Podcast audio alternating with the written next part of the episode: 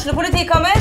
Ine Jansen er purk. Er du purk? The motherfucking bitch. Alt jeg vil, er å finne ut hva som skjedde med mannen min. Jon Carew. Er jeg sikta for noe? Iben Akeli. Det er du. Ole So, Lars Berrum og Big Daddy Karsten. Hvem sin side er du på, egentlig? Anette Hoff, Tone Danielsen, Kommer du fra Afrika? Jørnis Josef, Nesten. Kløfta. Trond Espen Seim, Det er synd å si det, men det var feil mann som døde. Purk. Premiere tirsdag på TV2 Play.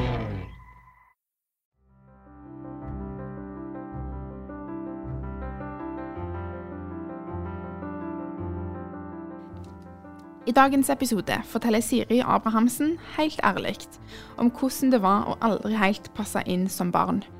Alle andre hadde ei bestevenninne, men ikke hun. I dag jobber Siri med noe som heter gleding, for at barn og unge ikke skal kjenne på den utenforskapen som hun gjorde som barn. Men vi må starte fra toppen, og da lurer jeg selvfølgelig på, helt ærlig, hvem er Siri? Eh, Det spørsmålet syns jeg er veldig vanskelig å svare på, for det er så stort. Men jeg er vel veldig engasjert og håpefull på at det går an å skape et bedre samfunn.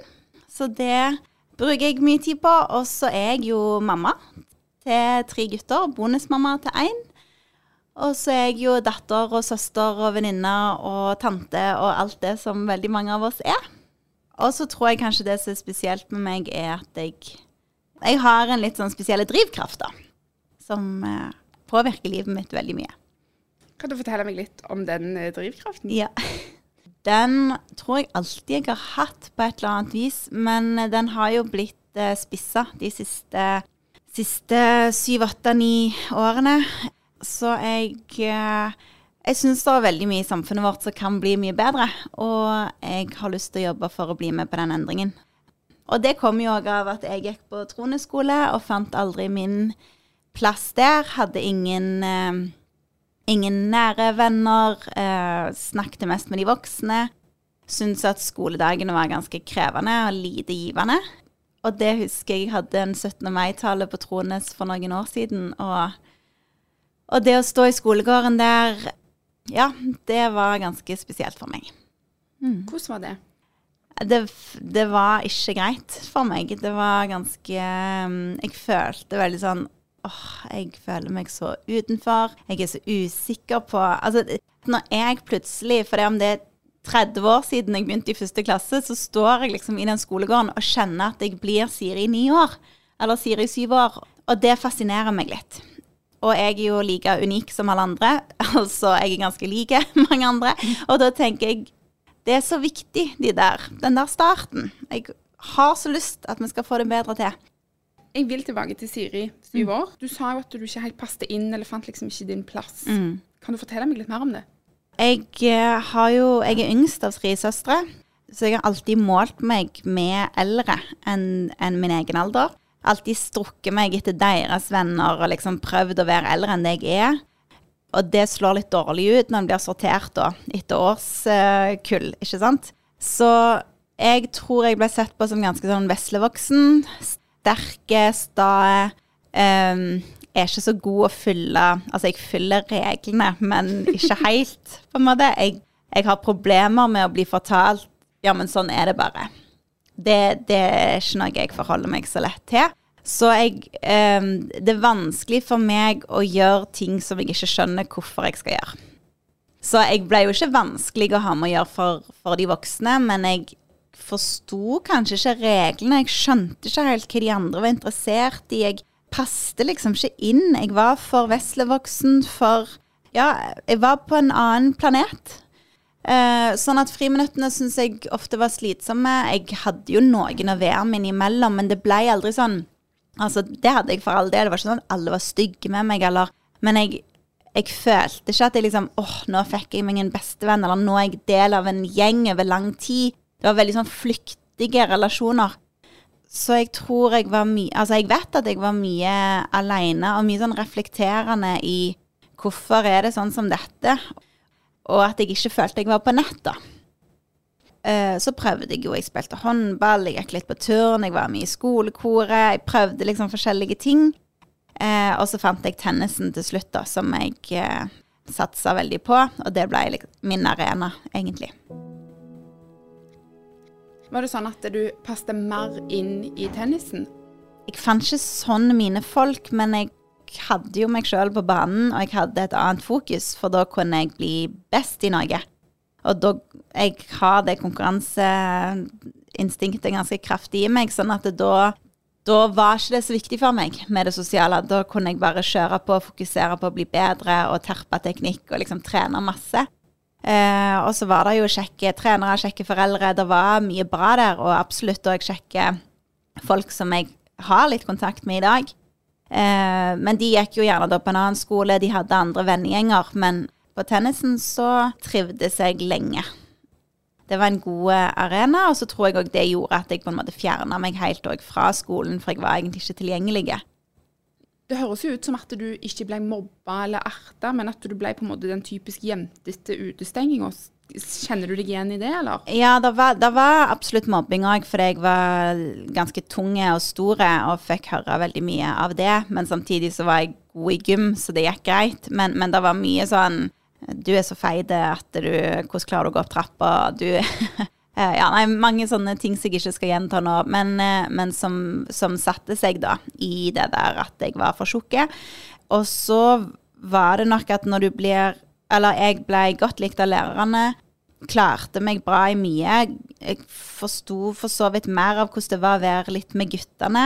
Eh, og da var det veldig lett at jentene skulle finne noe feil med meg.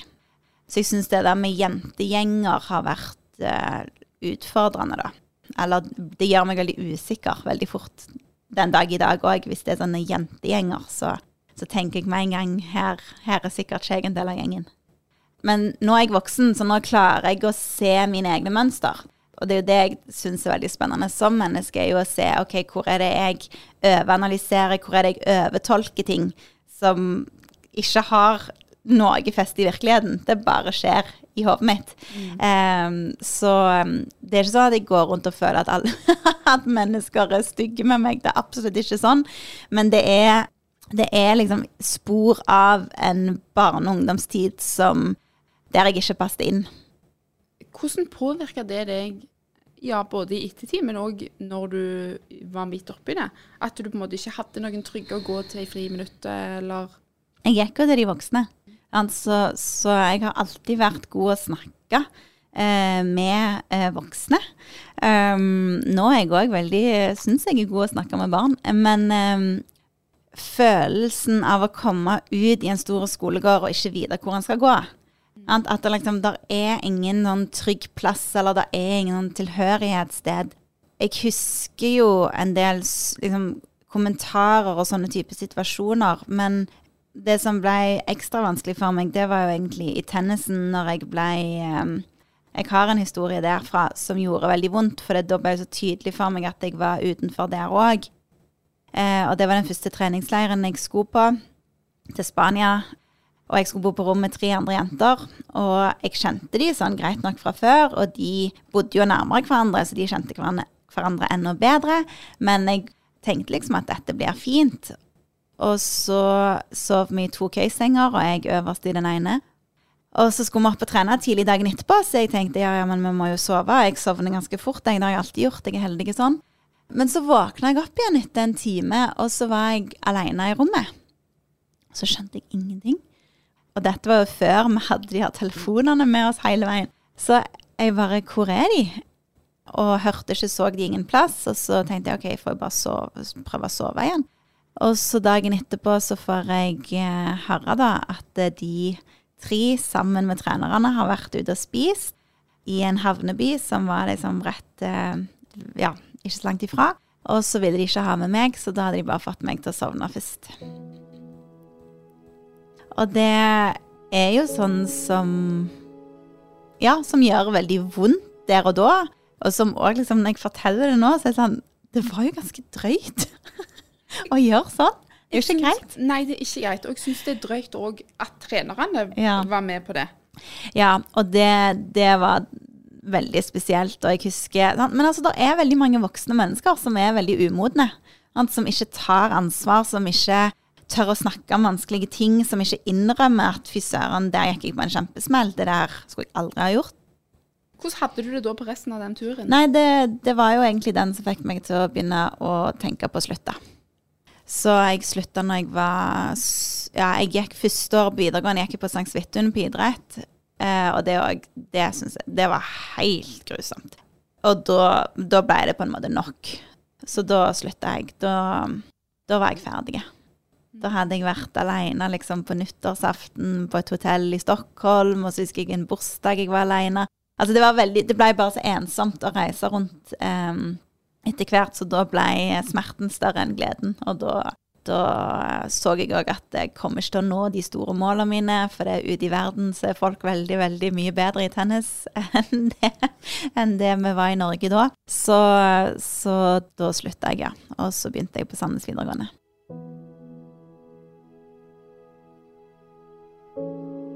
Forsvant den ensomheten litt, eller var det litt da, da jobbet jeg på sportsklubb, på Tennisland som det heter for lenge siden. Det som nå er Jeg vet ikke hva det heter lenger. Heter det actionball, eller? Ja. det gjør det. Ja. Eh, nå begynner jeg å føle meg gammel når det er sånn. Um, ja, og, og kjempefint å jobbe der. Eh, Masse bra folk i sportsklubb, det som nå er Sats. Og det er, sånn, det er sånne folk som en har en historie med, som en har en relasjon til i dag òg. Og, og jeg har jo fått en av mine absolutt beste venninner eh, derifra. Hun som var sjefen min, som heter Evi Myrhaugen, som veldig mange i Sandnes kjenner til. Veldig bra dame. Og flere som, som er fine folk i dag. Så jeg fikk jo sånn sett kom godt inn i et godt miljø der. Og så traff jeg jo en som jeg da gifta meg med, og fikk tre barn med. Så, så da snudde det på en måte helt, og så ble jeg fokusert på andre ting. Eh, og så ble jeg jo mor veldig tidlig, så jeg eh, produserte min egen gjeng, for å si det sånn. Det er helt sant, faktisk. Og når jeg tenker på det nå, så Jeg tror aldri jeg Altså, jeg tenker sånn, når, du gif, når jeg gifta meg da jeg var 18 år, så må jo behovet mitt for å liksom knytte meg til noen ha vært ekstremt sterkt. Så det òg sier jo noe om hvordan ungdomstida mi har vært. For det hadde det vært fullt med gode folk og liksom nære relasjoner, så er det jo ikke sikkert jeg hadde gifta meg da jeg var 18. Sånn at eh, nå er jeg jo veldig glad for at jeg har fått de ungene som jeg har fått, og, og det ble den delen av historien. Men, men det er litt interessant hvordan livet Hvilke valg vi tar, da, og hvorfor vi tar de. Endra det noe på selvbildet ditt når du fikk på en måte din egen gjeng? Um, det gjorde det jo sikkert. Ikke sånn som jeg kan tenke at det, her der ble jeg vel For det, selvfølelsen min har alltid vært ganske robuste. For jeg har så mye trening i å klare meg sjøl. Sånn at, eh, at jeg stoler veldig på meg sjøl, og jeg vet hva jeg kan få til. Jeg, jeg har ikke noe sånn Jeg har ikke vært usikker på det, men, men det endra jo veldig livet mitt, på sett og vis. Sånn at jeg gikk jo fra liksom den der veldig konkurransesiri, bli best, til å begynne å studere. Og på en måte, jeg tenkte jo at jeg skulle bli lærer, eller jeg ville bli lærer på videregående, husker jeg. Og så funka ikke det helt, så slutta jeg på de studiene etter hvert, og så begynte jeg på noe annet, samtidig som jeg fikk tre barn da, når jeg var 20, 22 og 26. Så, og så var jeg mye hjemme med de, og det var jeg veldig glad for. Ingen av de begynte i barnehage før de var to år. Så fordi om jeg fikk engangsstønad på 33 000, så var det helt utrolig at det går an å klare seg. Men eh, så 20-åra mine var jo veldig sånn Da var jeg mamma, liksom. Og eh, studerte og prøvde litt forskjellige ting og prøvde å finne hva skal jeg Hvem er den profesjonelle Siri, da? Det var vel det 20-åra mye handla om, samtidig som jeg selvfølgelig først og fremst var der for ungene mine, som da var veldig små. Så var det flytting, og liksom en går inn i sånn der fase der en skal bygge rede og ja, maling og Ikea hver helg og finn.no og jeg vet ikke hva. Det er liksom bare sånn kaotisk sfære der han skal prøve å få til et hjem. Jeg vil eh, snakke litt om angst. Ja. Veldig engasjert svar. Ja, eh, vi må jo være engasjerte. Det er jo angst, det er jo noe som mange har. Ja, Jeg lurer på, Når kjente du på angst eh, for første gang? ja jeg har, jeg liksom forholdt meg til panikkangst, jeg da. For det er det, det, det jeg har kjennskap til, eller det er det jeg har kalt det. Og jeg vet ikke om det er det det er, men, men det er det jeg har trodd. Det kom vel første gang i 2010. eh, sånn som jeg kan ha reflektert over. Om jeg har hatt det tidligere i livet mitt, det vet jeg ikke. Men i 2009-2010 da fikk jeg en jobb eh, som jeg absolutt ikke trivdes i. Eh, jeg bodde en plass jeg absolutt ikke trivdes på. Alt var vanskelig for meg. Og da hadde jeg òg to små unger, og jeg skulle liksom få til veldig Det var en vanskelig fase. Eh, men da bare grein jeg hele tida. Og det var så vidt jeg tørde å gå ut. For hvis jeg tenkte sånn, hvis noen treffer meg nå, og de sier 'hei, hvordan har du det', eller 'går det bra', så bare visste jeg at jeg tåler ikke det. For da bare knekker jeg sammen. Så hvis jeg skal gå ut nå, så må jeg ikke treffe noen jeg kjenner, for det blir slitsomt. Så det var en, det var en fase, det. Jeg husker ikke hvor lenge det varte, men eh, det var, det var skumle greier. Eh, og jeg har hatt sånne panikkangstanfall kanskje en gang eller to i året mm. siden det. Og jeg har òg i år hatt sånn at jeg måtte gå og ta EKG hos legen fordi hjertet, eller ikke hjertet mitt, men musklene i brystet liksom har festa seg så ekstremt at det, det var sånn akkurat som Jeg vet jo ikke hvordan det er å få kniver i hjertet, men det er sånn jeg tror det føles. sånn som jeg hadde det da. Eh, så det bare strammer seg liksom skikkelig til og gjorde så vondt. Og når det er rett rundt hjertet, så kommer jo gjerne den der frykten på Guri, kommer jeg til å dø nå? Um, så jeg husker 2. januar i år så skulle jeg til Gjøvik og holde foredrag for eh, personalet på en skole. Jeg skulle ha foreldremøte i Kulturhuset, og jeg skulle ha masse greier. Og jeg skulle stå opp og ha det første flyet 2. januar. Da alle har fått med seg 2. januar. Det er veldig brått på etter ferien. Og så står jeg opp tidlig, eh, og det er en del av gamet, da. Det er jo mye av disse flyreisene. Og jeg har aldri vært redd for å fly, men den morgenen så bare jeg våkna, skamvondt i hjertet. Sto nede i gangen min, venta på taxien til flyplassen, og så var jeg bare sånn Om jeg kommer jeg til å få hjerteinfarkt nå? Er det trygt å fly? Liksom. Jeg kan jo ikke av Kan jeg reise? Og jeg hadde ingen å snakke med, for jeg, ungene mine sov, og de, ja, de er såpass store nå at det gikk bra, men, men eh, så kom jeg i taxien, og så ringer jeg legevakten. Så snakker jeg med legevakten hele turen ut til flyplassen. Og så setter jeg meg jo på det flyet, da. Jeg gjør jo det. For det om hun sier at jeg ikke bør gjøre det. Og så husker jeg komme inn på flyet, og jeg er jo normalt sånn så Hvis folk søker blikkontakt, så møter jeg blikket deres, sier hei, god morgen. Eh, prøver å skape en god start eh, for meg sjøl og alle rundt. Og så Og da husker jeg bare lå Jeg tok liksom et skjerf, og jeg bare lukte meg inn i det hjørnet. Så jeg var sånn, nå må ingen se meg, ingen må snakke med meg. Orker ikke å si hei til noen. Det var bare grusomt. Eh, og så skjedde det igjen 2. mars, og da skulle jeg ikke fly, så da kunne jeg gå til legen og få sjekka at alt var greit med meg. Men, eh, men, det er jo et tegn, da, på at det, det er jo ikke sånn det skal være.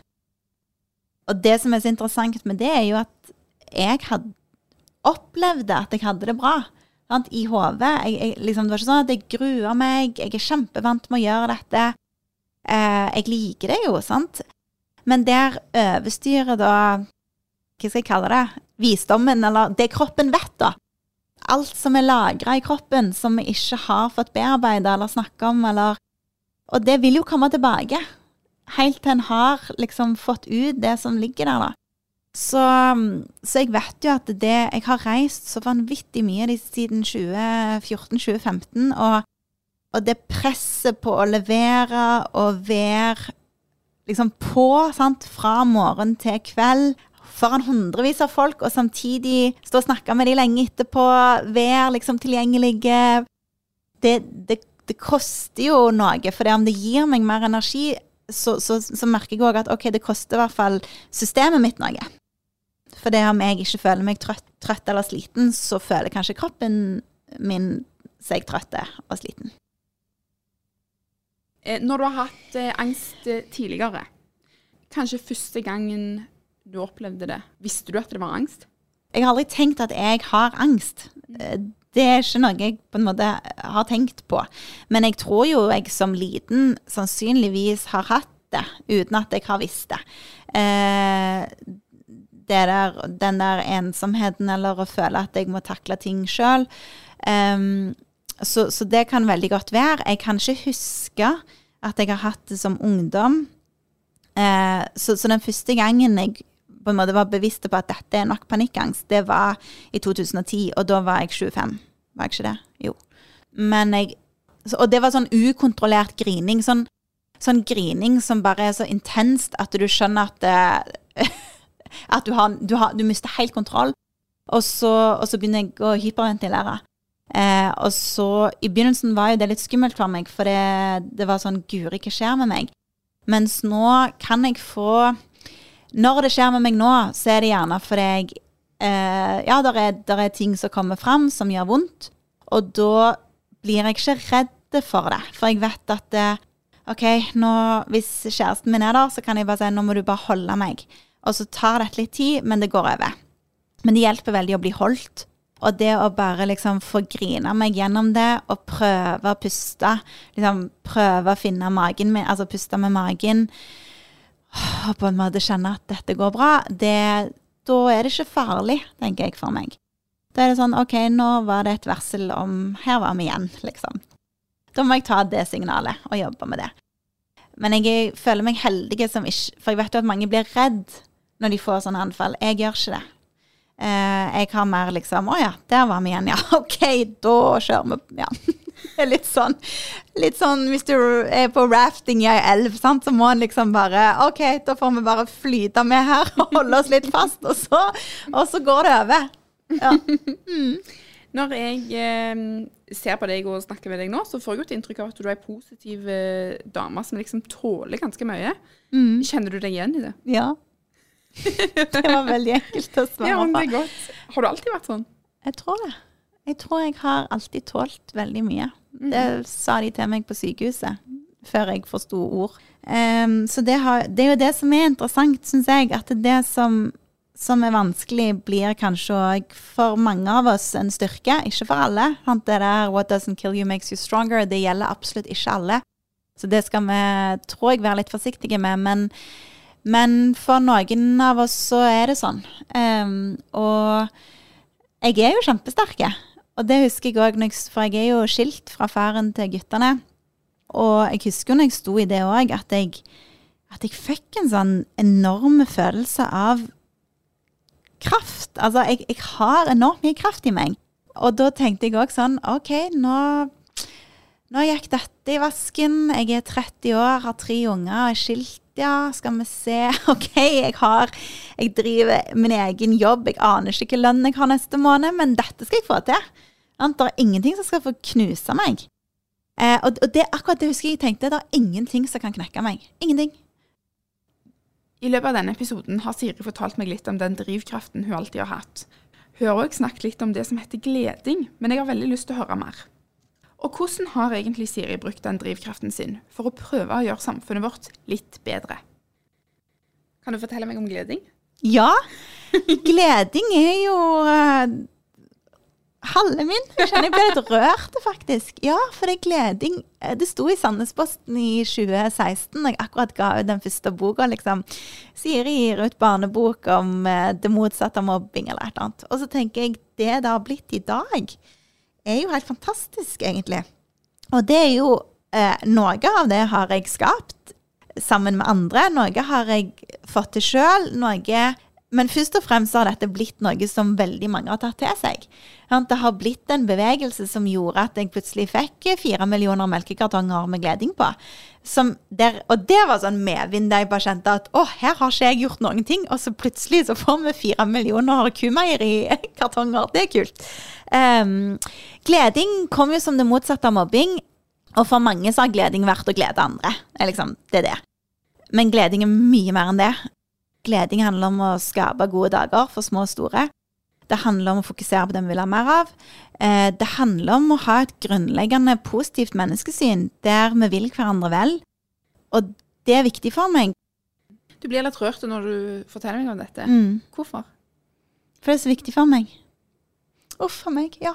Det er liksom Jeg fatter ikke hvordan så mange av oss når vi sitter i et land der vi har verdens største fond for framtida vår, vi har en sikkerhet som Ja, jeg vet at det er mennesker i Norge som sliter, jeg vet at det er barnefamilier, og det er helt krise at det er barnefamilier som, som lever i- liksom, i fattigdom i Norge. Det burde ikke vært mulig.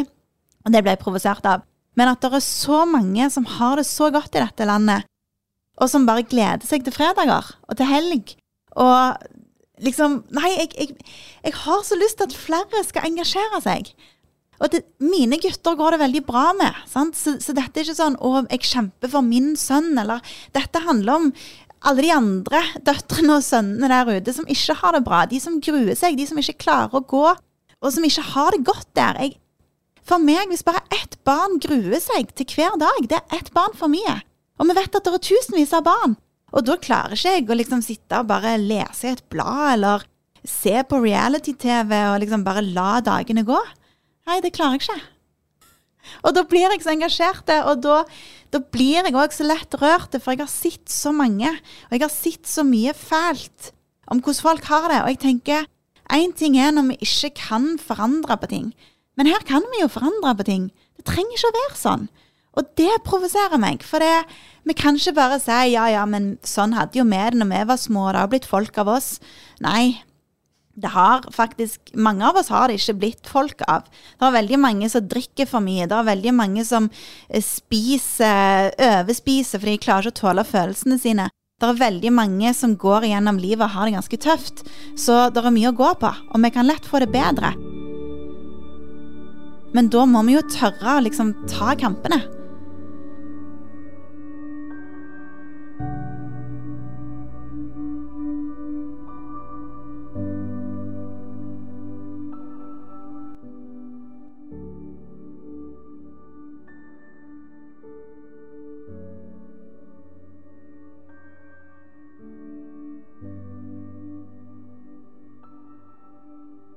Har du et enkeltpersonforetak eller en liten bedrift? Da er du sikkert lei av å høre meg snakke om hvor enkelt det er med kvitteringer og bilag i fiken, så vi eh, gir oss her, vi.